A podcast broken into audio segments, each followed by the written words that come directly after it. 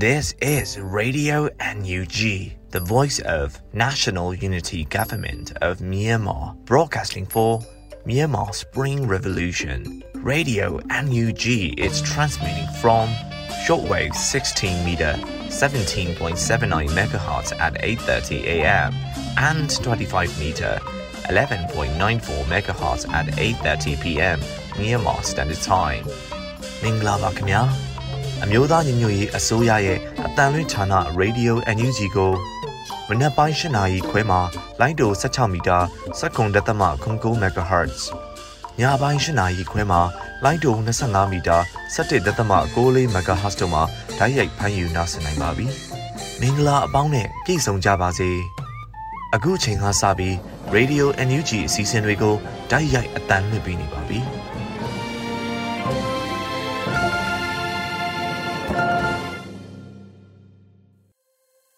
မြန်မာနိုင်ငံလူနိုင်ငံသားအပေါင်းတဘာဝဘေးဆရာနာရှင်ဘေးတို့ကနေကင်းဝေးပြီးကိုစိတ်နှပါဘေးကင်းလုံခြုံကြပါစေလို့ရေဒီယို NUG အဖွဲ့သားများကဆုတောင်းမေတ္တာပို့သလိုက်ပါတယ်။ဒီကနေ့ဇန်နဝါရီလ9ရက်နေ့ရေဒီယို NUG ရဲ့မနက်ခင်းအစီအစဉ်လေးကိုစတင်ထုတ်လွှင့်ပေးတော့မှာဖြစ်ပါတယ်။ပထမအဆုံးအနေနဲ့ရေဒီယို NUG ရဲ့အစီအစဉ်ကောက်နှုတ်ချက်ကိုနှွေဦးမိုးမှဖတ်ကြားတင်ပြပေးတော့မှာဖြစ်ပါတယ်ရှင်။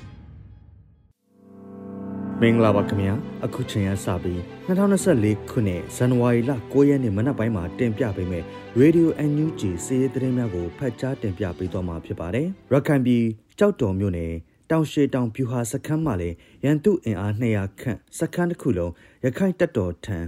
လက်နက်ချအညက်ခံခဲ့ဆိုတဲ့သတင်းကိုတင်ပြတော့ပါမယ်ဇန်နဝါရီလ10ရက်မှာရခိုင်တပ်တော် AA ကစီးရီးသတင်းကိုတရားဝင်ထုတ်ပြန်ထားပါတယ်ရှမ်းမြောက်ဒေသအတွင်း၌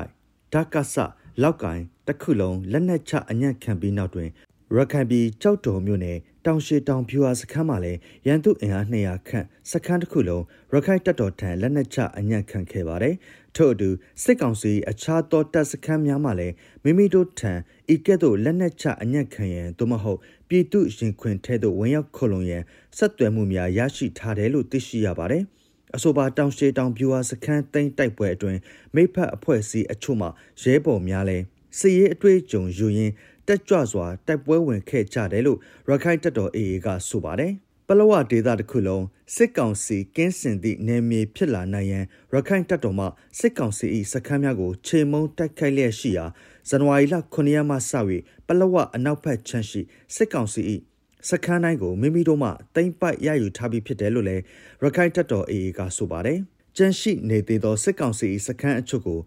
ယခုရက်များအတွင်းအပိသက်ချေမုံတက်ခိုက်သွားမယ်လို့ဆိုပါတယ်။နောက်ဆက်တွဲတိမ့်ပိုက်ရရှိထားသောစခန်းအဖြစ်ရခိုင်ပြည် မြောက်ဦးတင်းကျစ်တော်တောင်စခန်းကို2024ခုနှစ်ဇန်နဝါရီလ9ရက်ညနေ4နာရီအချိန်တွင်ရခိုင်တပ်တော်မှအပိသက်သိမ်းပိုက်ရရှိခဲ့ပြီးရန်သူစစ်အုံဆောင်ပစ္စည်းများနဲ့လက်နက်ခဲယမ်းအမြောက်များကိုတင်ဆက်ရမိခဲ့ပါတယ်ခင်ဗျာရှမ်းပြည်နယ်မြောက်ပိုင်းတိတ်တီမြို့ရှိစကခ16ကိုသိမ်းပိုက်ရာတန်ချက်ကာကားများ point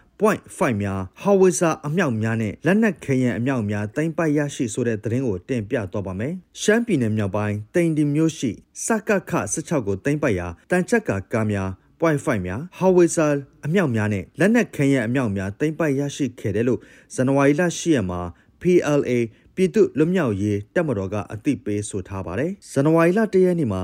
စကခ16 area ကိုစတင်ထိုးစစ်ဆင်တိုက်ခိုက်ရန်အတွက်သိန်းညီမျိုးအထွတ် နံပါတ်2ချောင်းတရားထိတ်မှစတင်တိုက်ခတ်ပြီးထိုမှတဆင့်ကောင်းဟော်ရွာထဲမှာတက်ဆွဲထားတဲ့စစ်ကောင်စီတပ်များကိုဆက်လက်ထိုးစစ်ဆင်တိုက်ခတ်ခဲ့ပြီးဇန်နဝါရီလ3ရက်မှာကောင်းဟော်ရွာတစ်ခုလုံးကိုအောင်မြင်စွာသိမ်းပိုက်နိုင်ခဲ့တယ်လို့သိရှိရပါတယ်။၎င်းနေ့မှာပင်ခလာရ69တက်ကိုစတင်တက်ခတ်ပြီး၄ရက်နေ့မှာခလာရ69ကိုသိမ်းပိုက်နိုင်ခဲ့ကလက်နက်ကိုတောင်တွေပါအောင်မြင်စွာသိမ်းပိုက်ရရှိခဲ့ပါတယ်။ထို့အတူတပ်မ16ဌာနချုပ်ကိုဝင်ရောက်စီးနင်းတက်ခိုက်ခဲ့ပြီး ကြန့်ရှိနေသေးသောစကခ16 area တစ်ခုလုံးတွင်ရှိသောတပ်ရင်းများလက်နက်ကြီးကုန်းများလေရင်ကွင်းများလက်နက်ကိုတောင်များတန်ချက်ကာကားများ point 5များဟဝေစာများနဲ့လက်နက်ခဲယံအမြောက်ပြားတင်ပိုက်ရရှိပါတယ်လို့ဆိုပါတယ်ဇန်နဝါရီလ6ရက်နေ့မှာ GE ကိုဝင်တိုက်ရာစစ်ကောင်စီတပ်များအကုန်လုံးထွက်ပြေးသွားခဲ့ပြီးဇန်နဝါရီလ9ရက်မနက်9:00နာရီမှာ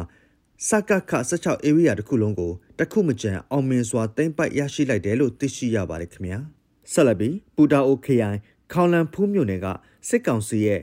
ခရန်တီတန်စခန်းကိုသိမ်းပိုက်နိုင်ဆိုတဲ့သတင်းကိုတင်ပြတော့ပါမယ်။ကချင်ပြည်နယ်ပူတာအိုခရိုင်ခေါလန်ဖူးမြို့နယ်ကစစ်ကောင်စီရဲ့ခရန်တီတန်စခန်းကိုသိမ်းပိုက်နိုင်ခဲ့တယ်လို့ဇန်နဝါရီလ10ရက်မှာပူတာအို PDF ကအတည်ပြုဖော်ပြပါတယ်။ဇန်နဝါရီ2ရက်နေ့မနက်6နာရီခွဲမှစတင်ပြီးညနေ9နာရီအထိတိုက်ပွဲအပြင်းထန်ဖြစ်ပွားခဲ့ကစစ်ကောင်စီဘက်မှလေရင်အကူ၄ကြိမ်တိုင်တိုင်လာပစ်ပေမဲ့ လူအသေးပြောက်မရှိတိုက်ခိုက်နိုင်ခဲ့တယ်လို့ဆိုပါတယ်။၃ရက်ကြာတိုက်ခိုက်ပြီးခရန်တီတန်စခန်းကိုတင်ပိုက်နိုင်ခဲ့ကပြည်သူ့ဘတ်တော်သားများဘေးကင်းကြောင်းသိရပါတယ်ခင်ဗျာ။မြိုင်မြို့ပေါ်အကြမ်းဖက်စစ်ကောင်စီတပ်များတပ်ဆွဲထားတဲ့နေရာအား 1kg ဘုံတီ3လုံးကျဲချခဲ့ဆိုတဲ့သတင်းကိုတင်ပြတော့ပါမယ်။မြိုင်မြို့ပေါ်အကြမ်းဖက်စစ်ကောင်စီတပ်များတပ်ဆွဲထားတဲ့နေရာအား 1kg ဘုံတီ3လုံးကျဲချခဲ့တယ်လို့ဇန်နဝါရီလ10ရက်မှာစစ်ရေးသတင်းကို Urban Underground Revolution Force YSO ကဆိုပါတယ်ဇန်နဝါရီလ6ရက်မြိုင်မြို့ပေါ်စီမံရေးရုံးအတွင်တက်ဆွဲထားသောအကြမ်းဖက်စစ်ကောင်စီများကို 1kg ဘုံတီ3လုံးကျဲချခဲ့ပါတယ်ဘုံတီနှလုံးမှာစီမံရေးရုံးအတွင်ပြက်မှတ်ကိုကြားရောက်ပောက်ကွဲခဲ့ပြီးအထိအခိုက်ရှိနိုင်ကအတိအကျကိုတော့စုံစမ်းဆဲဖြစ်တယ်လို့သိရပါတယ်တိုက်ခိုက်မှုမှာ Urban Underground Revolution Force မြင်းချံခရိုင်အမှတ်1တက်ရင်27 Revolution Force ရင်းမာပင်ခရိုင်တက်ရင်3 4 5 6စင်ရိုင်းရာစာမြိုင်ပခုတ်ကူ local တပ်ပေါင်းစုအဖွဲ့တို့ပူးပေါင်းပါဝင်တိုက်ခိုက်ခဲ့ပါတယ်ခင်ဗျာရေစကြိုမြို့နယ်ရှစ်မတောင်တောင်ပေါ်သို့ရိတ်ခါပို့ဆင်းလာသောစစ်ကောင်စီတပ်နှင့်ပြူများကိုကာကွယ်ရေးတပ်များတိုက်ခိုက်ဆိုတဲ့သတင်းကိုတင်ပြတော့ပါမယ်။ဇန်နဝါရီလ10ရက်မှာစစ်ရေးသတင်းကိုရေစကြိုပကဖကအတီးပြုဆိုထားပါတယ်။ရေစကြိုမြို့နယ်ရှမတောင်တောင်ပေါ်သို့ ရိတ်ခါပို့ဆင်းလာသောတပ်မတရားတဲ့လက်အောက်ခံခလိုက်ရ258တပ်ထဲမှစစ်ကောင်စီများနဲ့စင်ချောင်းပြူရွာမှပြူများနဲ့ဇန်နဝါရီလ9ရက်နေ့နနက်3နာရီခွဲအချိန်မှစတင်၍ထိတွေ့မှု3ကြိမ်ဖြစ်ပွားခဲ့ပါတယ်။အဆိုပါအင်အား80ခန့်ပါစစ်ကောင်စီစစ်ကြောင်းအားပြည်သူ့ကာကွယ်ရေးတပ်များမှ drone များဖြင့်၎င်းမြေပြင်မှ၎င်းအကြိမ်ကြိမ်လိုက်လံတိုက်ခိုက်ခဲ့ပြီးစစ်ကောင်စီများထိခိုက်မှုရှိနိုင်ပြီးတိုက်ခိုက်မှုအတွင်မျက်မြင်အရစစ်ကောင်စီ2ဦးလဲကျသွားကြောင်းသိရပါတယ်။ အဆိုပါစစ်ကြောင်းမှာတောင်ဦးတာတိုင်စစ်စေးရေးကင်းမတဆင့်ခလာရ258တို့ပြည်သူ့ကားများအားချောဆွဲပြန်သွားကြောင်းသိရပါတယ်။တိုက်ခိုက်မှုအားပြည်သူ့ကာကွယ်ရေးတပ်ဖွဲ့ရေစကြိုပကဖနဲ့အတူပကုတ်ကူခရိုင်တရင်အမှတ်9တို့ပူးပေါင်းတိုက်ခိုက်ခဲ့ပါတယ်ခင်ဗျာ။ရိတ်ခါစုဆောင်ရင်စူးစမ်းနေသောပြူစောထင်းများကို drone ဖြင့်ပုံကျဲတိုက်ခိုက်ဆိုတဲ့သတင်းကိုတင်ပြသွားပါမယ်။စကိုင်းတိုင်းခင်ဦးမြို့နယ်မှာရိတ်ခါစုဆောင်ဖို့စူးစမ်းနေတဲ့ပြင်ထောင်ရွာကပြူစောထီတွေကို drone အသုံးပြုပြီးဘုံတိချတိုက်ခိုက်ခဲ့တယ်လို့ခင်ဦး Special Organizations KSO ကထုတ်ပြန်ပါတယ်။ပြင်ထောင်ရွာကစစ်ကောင်စီလက်အောက်ခံပြူစောတီ20ဦးခန့်ဟာဇန်နဝါရီလ9ရက်နေ့မွန်းလွဲပိုင်းကဒေသခံပြည်သူတွေစိုက်ပျိုးထားတဲ့စပားခင်းတွေကိုရိတ်ခါအဖြစ်စုဆောင်းရိတ်သိမ်းဖို့စ조사နေတာကြောင့်တိုက်ခတ်ခဲ့တာလို့သိရပါတယ်။ပြူစောထီတွေစပားခင်းကိုရိတ်သိမ်းနေချိန်မှာ drone နဲ့မီးလောင်ပုံကျဲချခဲ့တာကြောင့်၎င်းတို့ရိတ်သိမ်းထားတဲ့စပားပုံနဲ့ရိတ်သိမ်းဆဲစပားခင်းကိုဖျက်ဆီးနိုင်ခဲ့တယ်လို့သိရပါတယ်။ထို့အပြင်ပြင်ထောင်ရွာအတွင်းဝင်ပြေးတဲ့ပြူစောထီတွေကိုဘုံသီးအကြီး၅လုံးနဲ့ထပ်မံကျဲချတက်ခတ်ခဲ့တာကြောင့်ဒဏ်ရာရသူများစွာရှိခဲ့တယ်လို့လည်းခင်ဦးအခြေဆိုင်မဟာမိတ်အဖွဲ့တွေကပြောပါတယ်။အဆိုပါတက်ခတ်မှုကိုခင်ဦး Special Organizations KSO KURDAF drone တပ်ဖွဲ့ခင်ဦးမြို့နယ်ပြည်သူ့ကာကွယ်ရေးအဖွဲ့ Wolf Gorilla Local PDF YEU KURDAF drone ARF KURDAF drone စတဲ့မဟာမိတ်တပ်ပေါင်းစုကတိုက်ခတ်ခဲ့တာဖြစ်ပါတယ်။ပြင်ထောင်ရွာဟာလက်ရှိအချိန်မှာရိတ်ခါပြက်လက်နေပြီဖြစ်တယ်လို့ဒီဇင်ဘာလ28ရက်ကဖမ်းဆီးရမိခဲ့တဲ့ပြူစောထီတွေကလည်းမဟာမိတ်အဖွဲ့တွေကိုပြောထားတာရှိပါတယ်။ပြင်ထောင်ရွာကပြူစောထီတွေဟာရွာအနီးမှာရှိတဲ့ပြည်သူပိုင်စပားခင်းတွေကိုခိုးယူရေးသိမ်းဖို့ကြိုးစားခဲ့တာ၄ကြိမ်ရှိခဲ့ပြီး၄ကြိမ်စလုံးကိုပြည်သူ့ကာကွယ်ရေးမဟာမိတ်တပ်ပေါင်းစုကတားမြစ်နိုင်ခဲ့တယ်လို့သိရပါတယ်။ လာရှိုးမြို့နယ်မိုင်းရော်ကျေးရွာတွင်တိုက်ပွဲဖြစ်ပွားခြင်းမရှိဘဲစစ်ကောင်စီတပ်မှလေကြောင်းတိုက်ခတ်မှုလှုပ်ဆောင်၍အရက်သားအမျိုးသမီး၄ဦးကြည်စထိမှန်တိတ်ဆုံးခဲ့ဆိုတဲ့သတင်းကိုတင်ပြသွားပါမယ်။ဇန်နဝါရီလ9ရက်နေ့ည9:35မိနစ်အချိန်တွင်စစ်ကောင်စီတပ်မှမိုင်းရော်ကျေးရွာတွင် Jet Fighter ဖြင့်ဖျက်အားပြင်းပေါင်900ဘုံဖြင့် ပြည်သူလူထုများကိုဥတီပစ်ခတ်တိုက်ခတ်ခဲ့တယ်လို့ TNLA ကအတည်ပြုဆိုပါတယ်စစ်ကောင်စီတပ်မှပစ်ခတ်လိုက်သောဘုံတီကြောင့်မိုင်းရော်ကျေးရွာအတွင်းလူနေအိမ်ပေါ်တွင်ကြားရောက်ပောက်ကွဲခဲ့ရမှာပြည်သူအမျိုးသမီး၄ဦးကြည်စထိမှန်တိတ်ဆုံးခဲ့ရပြီးလူနေအိမ်20လုံးလည်းကြည်စထိမှန်ပျက်စီးခဲ့ရပါတယ်ခင်ဗျာဆက်လက်ပြီးမြိုင်မြို့မှာကန်နီပြူရွာတို့ရိတ်ခါပုံမီစစ်ကြောင်းအကြိမ်ကြိမ်မိုင်းဆွဲခံရမှုကြောင့် ဒေသခံများကိုဖမ်းကာဒဇာခံအဖြစ်အသုံးပြုနေဆိုတဲ့သတင်းကိုတင်ပြတော့ပါမယ်။မကွေးတိုင်းမြိုင်မြို့ကနေကန်နီပြူရွာကိုရိတ်ခါပို့မဲ့စစ်ကြောင်းအကြိမ်ကြိမ်မိုင်းဆွဲခံရပြီးတပ်ပြန်ဆုတ်နေရတာကြောင့်ဒေသခံပြည်သူတွေကိုဖမ်းပြီးဒဇာခံအဖြစ်အသုံးပြုနေတယ်လို့မြိုင် UAV Fighter အဖွဲ့ကပြောပါတယ်။မြိုင်မြို့ကနေကန်နီပြူရွာဘက်ကိုထွက်လာတဲ့စစ်ကောင်စီထပ်ပို့စစ်ကြောင်းကိုဇန်နဝါရီလ၄ရက်နေ့မနက်9နာရီခွဲအချိန်ခန့်မှာမြို့အထွက် ပေါက်ပြင်းလန်းစုံမှာမိုင်းအကြီးလေးလုံးနဲ့တိုက်ခိုက်ခဲ့ပြီးနနက်10နာရီခန့်မှာလဲတံပရာချန်ကျေးရွာအနီးရှစ်ထွက်မိုင်း9လုံးဒရုန်းနဲ့အီနာကာဘုံးသီးအလုံး20ကျဲချတိုက်ခိုက်ခဲ့တာကြောင့်စစ်ကောင်စီတပ်ဖွဲ့ဝင်3ဦးပြင်းထန်ဒဏ်ရာရသွားတဲ့အတွက်တပ်ပြန်ဆုတ်သွားတယ်လို့သိရပါတယ်။အဲ့ဒီစစ်ကြောင်းကန်နီပြူရွာဘက်ကိုသွားဖို့ဇန်နဝါရီလ9ရက်မှာမြိုင်ကနေထွက်လာချိန်မနက်6နာရီအချိန်မှာပေါက်ပြင်းလမ်းဆုံမှာပဲမိုင်းလေးလုံးထိသွားပြီး ဂွေးပင်လေချောင်းကိုရောက်ချိန်7နာရီခန့်မှာလဲမိုင်းငါလုံးထပ်ထိသွားတဲ့အတွက်မြို့တွင်းကိုပြန်ဆုတ်သွားခဲ့ရတယ်လို့တော်လိုင်းရေးတပ်ပေါင်းစုကအသိပေးထားပါတယ်။ထိုစစ်ကြောင်မြို့ထဲကိုပြန်ဝင်လာချိန်မှာလဲရှစ်ထွက်မိုင်းသုံးလုံးထပ်ထိသွားတဲ့အတွက်မြို့နယ်စိရုံအတွင်းမောင်းဝင်သွားတာတွေ့ရတယ်လို့မြိုင်ပကဖကပြောပါတယ်။အခုလိုအချိန်ချင်းမိုင်းဆွဲတက်ခတ်ခင်ရလို့ရှေ့ဆက်မတိုးနိုင်တဲ့စစ်ကောင်စီဟာမြိုင်မြို့တွင်းကနေထွက်မလာရဲတော့ပဲဖမ်းဆီးထားတဲ့ဒဇာခန်တွေကိုအုံချပြီး မြိုင်မြို့ကနေထွက်နိုင်ဖို့စ조사နေတယ်လို့သိရပါတယ်။အဆိုပါတက်ခတ်မှုများကိုမြိုင်ပကပအဖွဲ့ဝင်တွေဖြစ်တဲ့မြိုင်ပကပ drone အဖွဲ့မြိုင် UAV fighter ဘုံမွေဆိုးတပ်ဖွဲ့တိုက်နယ်လေး MPL တပ်ဖွဲ့မြိုင်ပကပတပ်ရင်2တက်ခွဲ3တက်ခွဲလေးနဲ့ Aquid Defense Force PKU တို့ပူးပေါင်းလှုပ်ဆောင်ခဲ့တာဖြစ်ပါတယ်ခင်ဗျာဟုတ်ကဲ့ပါအခုတင်ပြခဲ့တဲ့စီးရေးသတင်းကောက်နှုတ်ချက်တွေကို Radio NUG သတင်းထောက်မင်းတီဟန်နဲ့ကိုခန့်ကပေးပို့ထားတာဖြစ်ပါတယ် ကျွန်တော်ຫນွေဦးမိုးပါခင်ဗျာ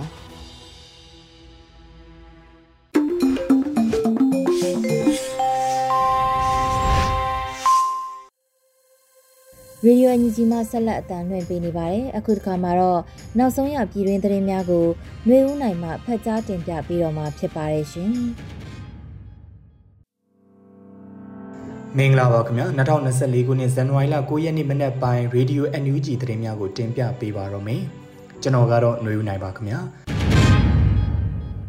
အခုပထမဆုံးတစ်ပုတ်အနေနဲ့ကနန်ကြီးရွာမှာကျန်ရည်သူမိသားစုများနဲ့အတူအလေးနဲ့ဝမ်းနေပြီးစကားဆရဲ့လောက်ရများအတွက်ခွင့်လွှတ်ခြင်းမရှိဘူးလို့ဝန်ကြီးချုပ်ပြောတဲ့သတင်းကိုတင်ပြပေးပါမယ်။စကိုင်းတိုင်းတမုတ်ခရိုင်ခမ်းပတ်မြို့အနီးကကနန်ရွာကိုဘုံကျဲတိုက်ခိုက်မှု ကနန်ကျေးရွာမှာကျန်ရည်သူမိသားစုများနဲ့အတူအလေးနဲ့ဝမ်းနေပြီးစကားဆရဲ့လောက်ရများအတွက်ခွင့်လွှတ်ခြင်းမရှိဘူးလို့ဝန်ကြီးချုပ်မန်းဝန်းခိုင်တန်းကဇန်နဝါရီလ10ရက်နေ့မှာ Twitter စာမျက်နှာမှာရေးသားဆိုထားပါတယ်။စကိုင်းတိုင်းကနန်ကျေးရွာမှာကျန်ရည်သူမိသားစုများနဲ့အတူအလေးနဲ့ဝမ်းနေကြောင်းဆုတောင်းအပ်ပါတယ်။စာကားစာရေးလုပ်ရများအတွက်ခွင့်လွှတ်ခြင်းမရှိပါပြစ်မှတ်ထားသော civilian attacks နောက်ွယ်မှသူများသည့်ပြင်းထန်သောအကျိုးဆက်များကိုရင်ဆိုင်ရလိမ့်မယ်လို့ဆိုထားပါတယ်။ စကိုင်းတိုင်းတမူးခရိုင်ခမ်းပတ်မြို့အနီးကနန်ရွာကိုဇန်နဝါရီလ9ရက်နေ့မနက်ပိုင်းမှာစစ်ကောင်စီက Jet Fighter နဲ့ဘုံးစေလုံးကျော်ကျဲချခဲ့ပါတယ်။စစ်ကောင်စီရဲ့ဘုံကျဲတိုက်ခတ်မှုကြောင့်ကလေးငယ်များအပါအဝင်အရက်သား15ဦးတေဆုံးခဲ့ရတယ်လို့သိရပါတယ်ခင်ဗျာဆက်လက်ပြီးဂျာကာလာဒေသန္တရပြည်သူ့အုပ်ချုပ်ရေးဖော်ဆောင်မှုဗဟိုကော်မတီနဲ့တနင်္သာရီတိုင်းအေရဝတီတိုင်းပဲခူးတိုင်းမြို့နယ်ပြည်သူ့အုပ်ချုပ်ရေးအဖွဲ့များတွဲဆုံဆွေးနွေးပွဲကျင်းပတဲ့တဲ့တင်ကိုတင်ပြပေးပါမယ်။ အမျိုးသားညီညွတ်ရေးအစိုးရဂျာကာလာဒေသန္တရပြည်သူ့အုပ်ချုပ်ရေးဖော်ဆောင်မှုဗဟိုကော်မတီနဲ့တနင်္သာရီတိုင်းအေရဝတီတိုင်းပဲခူးတိုင်းမှာမြို့နယ်ပြည်သူ့အုပ်ချုပ်ရေးအဖွဲ့များတွဲဆုံဆွေးနွေးပွဲအစည်းအဝေးတစ်မြင်းဆောင်2024ကိုဇန်နဝါရီလ9ရက်နေ့မနက်10:00နာရီအချိန်မှာကျင်းပခဲ့ပါတယ်။အစည်းအဝေးမှာဂျာကာလာဒေသန္တရပြည်သူ့အုပ်ချုပ်ရေးဖော်ဆောင်မှုဘိုးကော်မတီအဖွဲ့ဝင်အလုသမားဝန်ကြီးဌာနပြည်ထောင်စုဝန်ကြီးနိုင်ထွန်းဖေခေါ်နိုင်သူဝနမှတက်ရောက်အမှားစကားပြောကြားခဲ့ပါတယ်။ အဲဒီနောက်ဝန်ကြီးဌာနများမှလုပ်ငန်းဆောင်ရွက်ချက်များအားရှင်းလင်းပြောကြားခဲ့ပြီးမြို့နယ်ပြည်သူ့အုပ်ချုပ်ရေးအဖွဲ့ဝင်များမှမူဝါဒလမ်းညွှန်ချက်များလုပ်ငန်းဆောင်ရွက်ချက်များမြေပြင်အခက်အခဲများနဲ့ပတ်သက်ပြီးတော့သိရှိလိုတာများကိုဆွေးနွေးခဲ့ကြရာဝန်ကြီးဌာနအသီးသီး၏တာဝန်ရှိသူများမှပြန်လည်ဖြေကြားဆောင်ရွက်ခဲ့ကြပြီးတဲ့နောက်ဂျာကာလဒေသန္တပြည်သူ့အုပ်ချုပ်ရေးဖော်ဆောင်မှုဘိုးကော်မတီအဖွဲ့ဝင်လူသားချင်းစာနာထောက်ထားရေးနဲ့ BND ဆိုင်ရာစီမံခန့်ခွဲရေးဝန်ကြီးဌာနပြည်ထောင်စုဝန်ကြီးဒေါက်တာဝင်းမြတ်အေးကညီကုန်းချုပ်စကားပြောကြားခဲ့ပါတယ်။တွဲဆောင်ပွဲသို့ပြည်ထောင်စုဝန်ကြီးများအမြဲတမ်းအတွင်းဝန်များတွဲဘက်အတွင်းဝန်များဌာနဆိုင်ရာများမှတာဝန်ရှိသူများနဲ့တနင်္သာရီတိုင်းအေရဝတီတိုင်းပဲခူးတိုင်းမှမြို့နယ်ပြည်သူ့အုပ်ချုပ်ရေးအဖွဲ့ဝင်များတက်ရောက်ခဲ့ကြပါရခင်ဗျာဆက်လက်ပြီးတောင်ပိုင်းစစ်ဒေသရှိ PDF အထူးစစ်စင်ရေးတပ်ဖွဲ့မုံမှန်တင်နန်းစင်ရဲဘော်များကို လက်နက်များတပ်ဆင်ပေးအပ်တဲ့တဲ့တင်ကိုတင်ပြပေးပါမယ်။တတောင်ပိုင်းစစ်ဒေသရှိ PDF အထူးစစ်စင်ရေးတပ်ဖွဲ့မုံမှန်တင်နန်းစင်ရဲဘော်များကိုလက်နက်များတပ်ဆင်ပေးရခဲ့တယ်လို့ဇန်နဝါရီလ10ရက်နေ့မှာအမျိုးသားညီညွတ်ရေးအစိုးရကာကွယ်ရေးဝန်ကြီးဌာနကအတည်ပြုဆိုထားပါတယ်။လက်နက်တပ်ဆင်အခမ်းအနားမှာပြည်သူ့ကာကွယ်ရေးတပ်မတော်အလံတော်အားအလေးပြုခြင်းနဲ့တစ္ဆာအဋိဌံ၄ချက်ရွတ်ဆိုပြီးအဋိဌံပြုခြင်းတို့လှုပ်ဆောင်ခဲ့ကြပါတယ်။လက်နက်တပ်ဆင်အခမ်းအနားသို့တောင်ပိုင်းစစ်ဒေသစစ်ဒေသကွယ်အမှတ်3 ဒုစစ်ဒေသခွဲမှုနှင့်ရဲဘော်ဂျူပီတာတက်ရောက်ခဲ့ပြီးတော့အမျိုးသားညီညွတ်ရေးအစိုးရကာကွယ်ရေးဝန်ကြီးဌာန၏တိုင်းစစ်ဌာနတနင်္သာရီအတွင်စစ်စင်ရေးရည်မှန်းချက်များနဲ့နှွေဦးတော်လှန်ရေးနှစ်နှစ်ကျော်ကာလအတွင်းအာနာရှင်အမြင့်ပြတ်ခြေမုံရေးအတွက်စိတ်တမာကြောစွာတိုက်ပွဲဝင်နေကြသောရဲဘော်များ၏ရဲစွမ်းတတိကိုချီးမွမ်းဂုဏ်ပြုစကားပြောကြားခဲ့ပါတယ်။အဲဒီနောက် PDF တင်နန်းစင်ရဲဘော်များကိုစား တက်ရင်တာဝန်ရှိသူများကဂျေစုတင်စကားပြောကြားပြီးအခမ်းအနားအစီအစဉ်အားအောင်မြင်စွာပိတ်သိမ်းနိုင်ခဲ့ပါတယ်ခင်ဗျာရခိုင်ပြည်နယ်မှာစစ်အုပ်စုမှအရက်သားဖမ်းဆီးမှုများပြားလာပြီးစစ်တွေမြို့နယ်မှာအရက်သားတရားဝန်းကျင်ကိုဖမ်းဆီးခဲ့တဲ့တဲ့ရင်ကိုတင်ပြပေးပါမယ်ရခိုင်ပြည်နယ်မှာစစ်အုပ်စုမှအရက်သားဖမ်းဆီးမှုများပြားလာပြီးတော့စစ်တွေမြို့နယ်မှာအရက်သားတရားကျော်ဝန်းကျင်ကိုဖမ်းဆီးခဲ့တယ်လို့သတင်းရရှိပါတယ် ဇန်နဝါရီလ10ရက်နိုင်ငံရေးအကျဉ်းသားများကုညီဆောင်ရှောက်ရေးအသင်းမှလက်တလောအဖြစ်အပျက်များကိုအတည်ပြုထုတ်ပြန်ထားပါတယ်။ရခိုင်ပြည်နယ်မှာစစ်အုပ်စုမှအရက်သားဖမ်းဆီးမှုများပြားလာပြီးစစ်တွေမြို့နယ်မှာအရက်သားတရားဝန်းကျင်ကိုဖမ်းဆီးခဲ့တဲ့အပြင်စစ်ကြောင်းထိုးပြီးလက်နက်ကြီးများဖြင့်ပစ်ခတ်ကာမိရှုဖျက်ဆီးမြေလို့ချင်းချောက်သောကြောင့်စစ်တွေမြို့နယ်နဲ့ပုံနာကျွန်းမြို့နယ်ရှိကျေးရွာများမှာဒေသခံ2000ဝန်းကျင်တင်းရှောင်နေကြရတယ်လို့ဆိုပါတယ်။၎ င်းအပြင်စစ်အုပ်စုကကုန်းလန်းနဲ့ရေလန်းမှတွာလာခွင့်ကိုပိတ်ပင်ထားတဲ့အတွက်ကြောင့်ကိုဝန်ဆောင်အမျိုးသမီးများအပါအဝင်ကျန်းမာရေးချို့တဲ့သူများအသက်ဆုံးရှုံးမှုနဲ့ကြုံတွေ့နေရတယ်လို့သိရပါတယ်ခင်ဗျာတောင်ကိုရီးယားနိုင်ငံဂူမီမြို့မှာမြန်မာစစ်ဘေးရှောင်များအတွက်အလူကန်ဆူတောင်းဆန္ဒပြပွဲမှရရှိငွေများကိုစလင်းမြို့စစ်ရှောင်များအတွက်လှူဒန်းပေးခဲ့တဲ့တဲ့တင်ကိုတင်ပြပေးပါမယ်။တောင်ကိုရီးယားနိုင်ငံဂူမီမြို့မှာ မြန်မာစစ်ဘေးရှောင်များအတွက်အလှူခံစုတောင်းဆန္ဒပြပွဲမှရရှိငွေများကိုစလင်းမြို့စစ်ရှောင်များအတွက်လှူဒန်းပေးခဲ့ပါတယ်။ဇန်နဝါရီလ9ရက်မှာတောင်ကိုရီးယားနိုင်ငံဂူမီမြို့မှာမြန်မာနိုင်ငံစစ်ဘေးရှောင်ပြည်သူများအတွက်စားနပ်ရိက္ခာထောက်ပို့နိုင်ရန်အလှူခံစုတောင်းဆန္ဒပြပွဲကိုကျင်းပခဲ့ပါတယ်။အဆိုပါအလှူခံရရှိငွေများကိုအတောကဒုက္ခဂူမီအဖွဲ့နဲ့ဒေဂူဖုံဖုံတို့ပူးပေါင်းကစလင်းမြို့နယ်လူဦးရေ400ရှိစစ်ရှောင်စခန်းအား 360ကျပ်တန်ဖိုးရှိတဲ့အစာအာဟာရအလှူနဲ့စံအတင်း104တင်းတို့အတွက်ပေးလှူခဲ့တယ်လို့သတင်းရရှိပါတယ်။ငါတို့မှာငါတို့ပဲရှိသည်ဆိုသည့်အတိုင်းပြည်တွင်းပြည်ပရှိမြန်မာနိုင်ငံသူနိုင်ငံသားတို့အားຫນွေဥတော်လှန်ရေးကိုကိုစွမ်းနိုင်ရာဖြင့်အရှိန်မြင့်ပါဝင်ဆင်နွှဲကြပါစို့လို့ဒေကူဖုံဖုံကအတိပေးတိုက်တွန်းမိန့်ကြားခဲ့ပါတယ်ခင်ဗျာ။အခုတင်ပြခဲ့တဲ့သတင်းတွေကို Radio NUG သတင်းတောက်မင်းတီဟန်နဲ့ကိုခန့်ကပေးပို့ထားတာဖြစ်ပါတယ်ခင်ဗျာ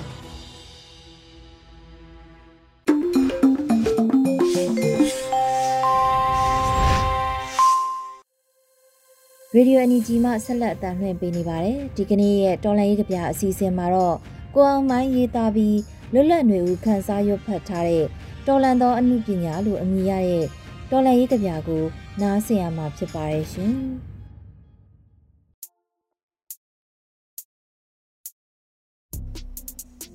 တော်လှန်သောအနုပညာပြောလိုက်ကြရေးလိုက်ကြတိုက်လိုက်ကြ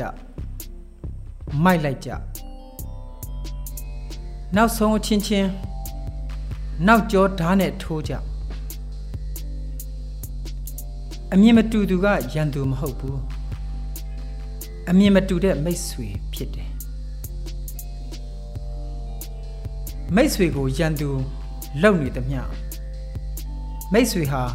ရန်သူဖြစ်နေပြီးရန်သူကတော့ရန်သူပဲဖြစ်နေလိမ့်မယ်မိတ်ဆွေနဲ့ရန်သူခွဲခြားသိမြင်မှုဟာတော်လှန်တဲ့အနုပညာပဲတော်လှန်တဲ့အနုပညာမရှိရင်တော်လှန်တဲ့အနုပညာမသိရင် တော်လန်ရေးဟာသားလျှောတတ်တယ်ပြည်သူသာအမိပြည်သူသာအဖဆိုတာအမှန်တရားရဲ့အမှန်တရားနဲ့မိတ်ဆွေစစ်စစ်ပဲကိုအောင်မှိုင်း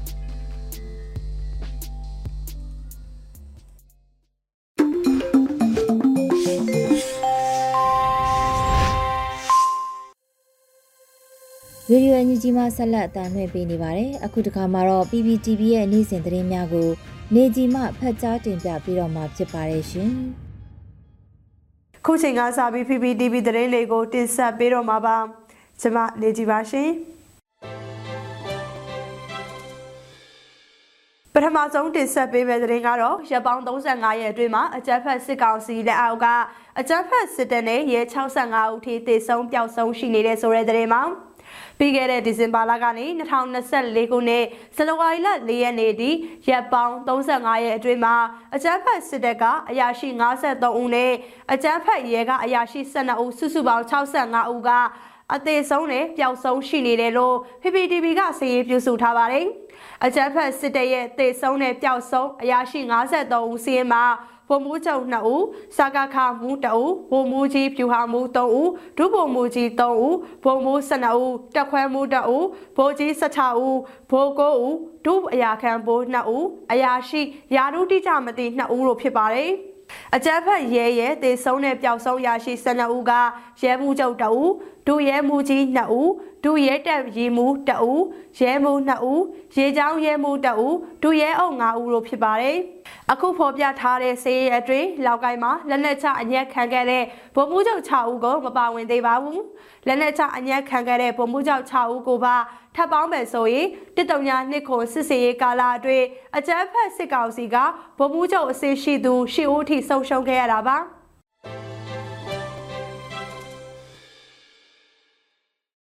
အခုတင်ဆက်ပေးမှာကတော့ကလီမျိုးတွင်းမှာတပိတ်အင်အားစုတွေနဲ့ပြည်သူတွေပူးပေါင်းပြီးလူလူလှုပ်ရှားမှုအဖြစ်နဲ့ခလင်းငယ်တွေကိုတန်ကြာစေးတိုက်ကြွေတဲ့တဲ့မှာ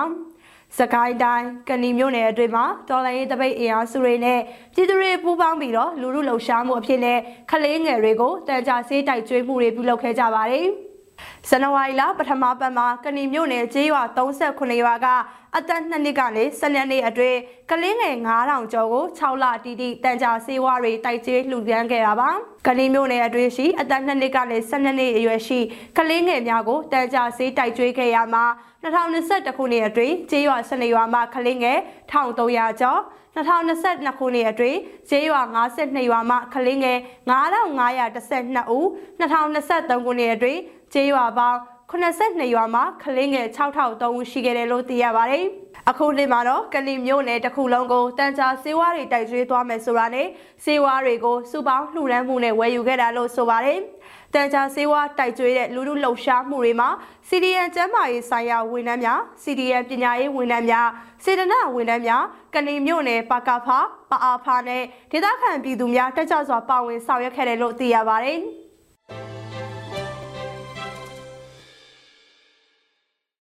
ထပ်မံတင်ဆက်ပေးမှာကတော့အကြက်ဖက်စစ်တပ်ကစစ်တွေနဲ့အမ်းမျိုးနယ်ကရက်သား80ကျော်ကိုအလေးအာဓမဖမ်းဆီးတဲ့တဲ့မှာရခိုင်ပြည်နယ်ကစစ်တွေမြို့နယ်နဲ့အမ်းမြို့နယ်ကအရက်သားပြည်သူ80ကျော်ကိုအကြမ်းဖက်စစ်တပ်ကအတေးအာဓမဖမ်းဆီးခေါ်ဆောင်သွားတယ်လို့ညီနောင်မဟာမိတ်သုံးဘွဲကဒီကနေ့မှထုတ်ပြန်လိုက်ပါတယ်။ ဇန်နဝါရီလ6ရက်နေ့နဲ့9ရက်နေ့နှစ်ရက်တာအတွင်းအကြမ်းဖက်စစ်တပ်ကဖမ်းဆီးခေါ်ဆောင်သွားတာဖြစ်တယ်လို့ဆိုပါတယ်။ဇန်နဝါရီလ9ရက်နေ့မနက်9နာရီကျော်ချိန်ခန့်ကအင်အားတရာကျော်ခန့်ရှိတဲ့အကြမ်းဖက်စစ်ကောင်စီတပ်ဖက်ဝင်တွေနဲ့၎င်းလက်အောက်ခံလက်ကင်တုံးအဖွဲ့ဝင်တွေက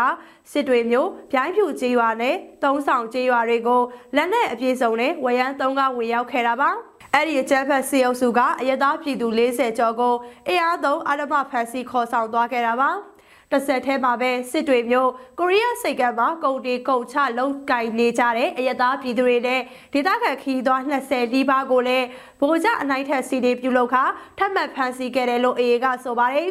ပြီးခဲ့တဲ့ဇန်နဝါရီလ6ရက်နေ့မနက်9:00နာရီခန့်ကလည်းအမ်မျိုးနဲ့3မိုင်ကုန်းအနီးမှာရှိတဲ့ဆက်စီကြောက်ကွင်းမှာအကြမ်းဖက်စစ်ကောင်စီအခြေချထားတဲ့တပ်စခန်းက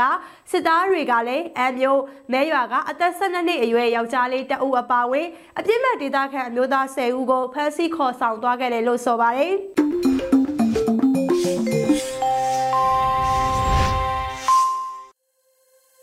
ဒီကနေ့ရဲ့နောက်ဆုံးအစီအစဉ်အနေနဲ့တော်လန်ရေးတေဂီတာမှာတော့နှောက်ထက်အောင်ရေးသားထားပြီးဆလိုင်းယောနာမီဇိုရန်တီဆိုထားတဲ့ကဘာမကြီးဥဒန်းလို့အမည်ရတဲ့တော်လန်ရေးတေဂီတာကိုနားဆင်ရမှာဖြစ်ပါတယ်ရှင်။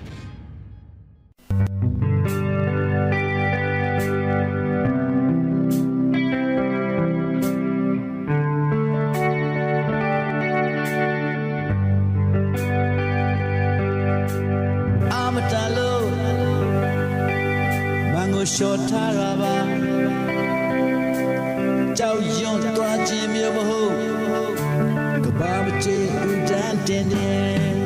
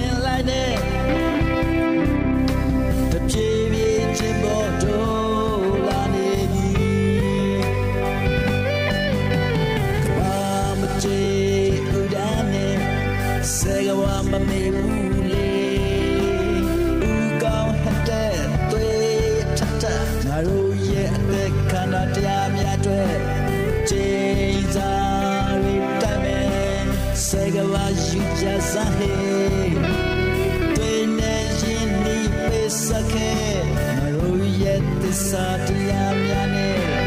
တိုင်းတဲ့ကျဆိုကြမယ်ကပတရားခံကြစေ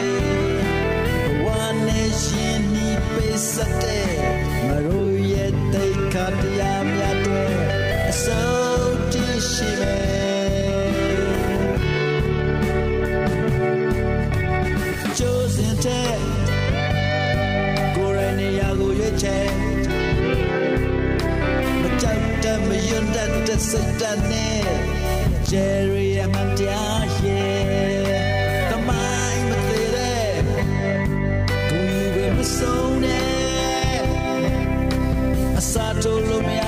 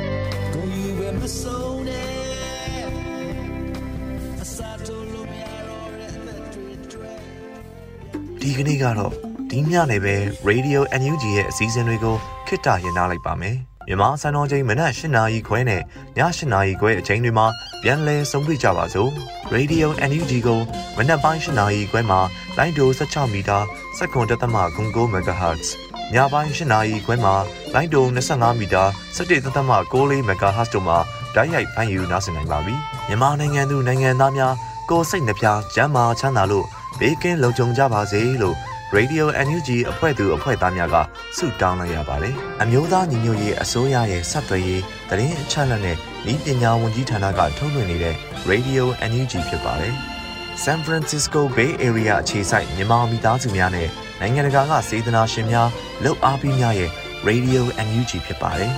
။အရေးတော်ပုံအောင်ရမည်